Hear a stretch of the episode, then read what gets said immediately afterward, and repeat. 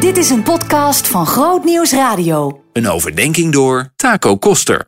Beste luisteraar, leuk dat je luistert. Een hele bijzondere dag vandaag, de verkiezingen. Ik vind het een voorrecht dat we mogen kiezen. Ik trek veel met vluchtelingen op en je wilt de lelijke verhalen over dictaturen niet horen. Je kunt je best zorgen maken over de toekomst van ons land, maar wees blij dat je kunt gaan stemmen. Ik ga je vandaag natuurlijk geen stemadvies geven. Dat zou veel te gek zijn. Ik neem je wel mee in een Bijbeltekst die op een dag als vandaag rondzinkt in mijn gedachten. Als dominee kwam ik met regelmaat bij oudere mensen op bezoek. Nog steeds. Maar vroeger zag ik wel eens een tegeltje in de keuken hangen met deze spreuk. Geen schoner spreuk en meer van kracht dan Micha 6 en wel vers 8. Misschien dat je hem herkent. Verder ook niet belangrijk. De vraag is natuurlijk, wat staat er dan eigenlijk in dat Bijbelboek Micha, hoofdstuk 6, vers 8? Er staat dit. Er is jou, mens, gezegd wat goed is. Je weet wat de Heer van je wil. Niets anders dan recht te doen, trouw te betrachten en nederig de weg te gaan van je God. Ik vind dat mooi. En ik neem je mee in mijn mijmeringen bij deze tekst. Als christen en ook als kerken kunnen we snel geneigd zijn om alle aandacht te geven aan persoonlijke vragen. Wie is God voor mij? Hoe krijg ik deel aan zijn vergeving? Hoe ervaar ik zekerheid in mijn geloof? Goede vragen. Maar we kunnen ons ook opsluiten in dit soort vragen en daarmee ontstaat er een gat in het evangelie. Zoals de titel van een boek zegt dat bij mij in de boekenkast staat.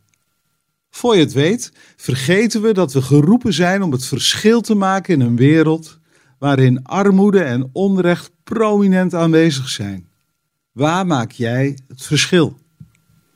In dat Bijbelboek Micha is volop aandacht voor armoede en onrecht. Als je dat zesde hoofdstuk zou lezen, dan kom je in aanraking met een gepassioneerde klacht van God zelf. Hij is in zijn hart geraakt door de gewetenloze houding van zijn volk. Hij spreekt als een gekwetste vader die diep teleurgesteld is in het gedrag van zijn kinderen. In de tijd van Micha wordt het recht met voeten getreden. Er is sprake van uitbuiting, sociale misstanden. Mensen zijn volledig in de band geraakt van het materialisme. Als een gekwetste vader wijst God zijn volk op hun fouten. Dit was niet wat God voor ogen stond toen hij zijn volk bevrijdde uit de slavernij in Egypte. Ik weet niet hoe jij over God denkt, maar dit beeld zet mij aan het denken. God is veel meer dan een soort vriendelijke oude buurman die blijft glimlachen bij alles wat we doen. We ontmoeten hem hier in zijn boosheid. Hij laat niet met zich spotten. En weet je waar het dan nog veel meer de bocht uitvliegt? Mensen rondom Micha hadden het idee dat ze God wel weer tevreden konden stellen met het volbrengen van de afgesproken rituelen en gebruiken.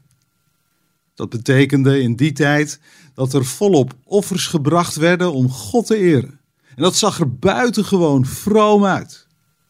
Maar wat een mispeer. Het is het aloude idee dat God tevreden gesteld kan worden door een overvloedige eredienst met uitbundige offers. Het idee dat we in onze tijd nog steeds tegenkomen als we denken dat geloven vooral alles te maken heeft met naar de kerk gaan, de plek waar onze aanbidding klinkt in liederen en gebeden. Heel ingetogen met orgel of super uitbundig met een toffe band. Maar Micha houdt de spiegel voor. Je denkt toch niet dat God blij is met onze rituelen als we geen oog en aandacht hebben voor de nood van mensen en deze wereld? De kans is groot dat je te maken krijgt met een gepassioneerde God die kritische vragen stelt. Oké, hoe dan wel? Dan klinkt er dit. Micha 6, vers 8. Er is jouw mens gezegd wat goed is. Je weet wat de Heer van je wil. Niets anders dan recht te doen, trouw te betrachten en nederig de weg te gaan van je God.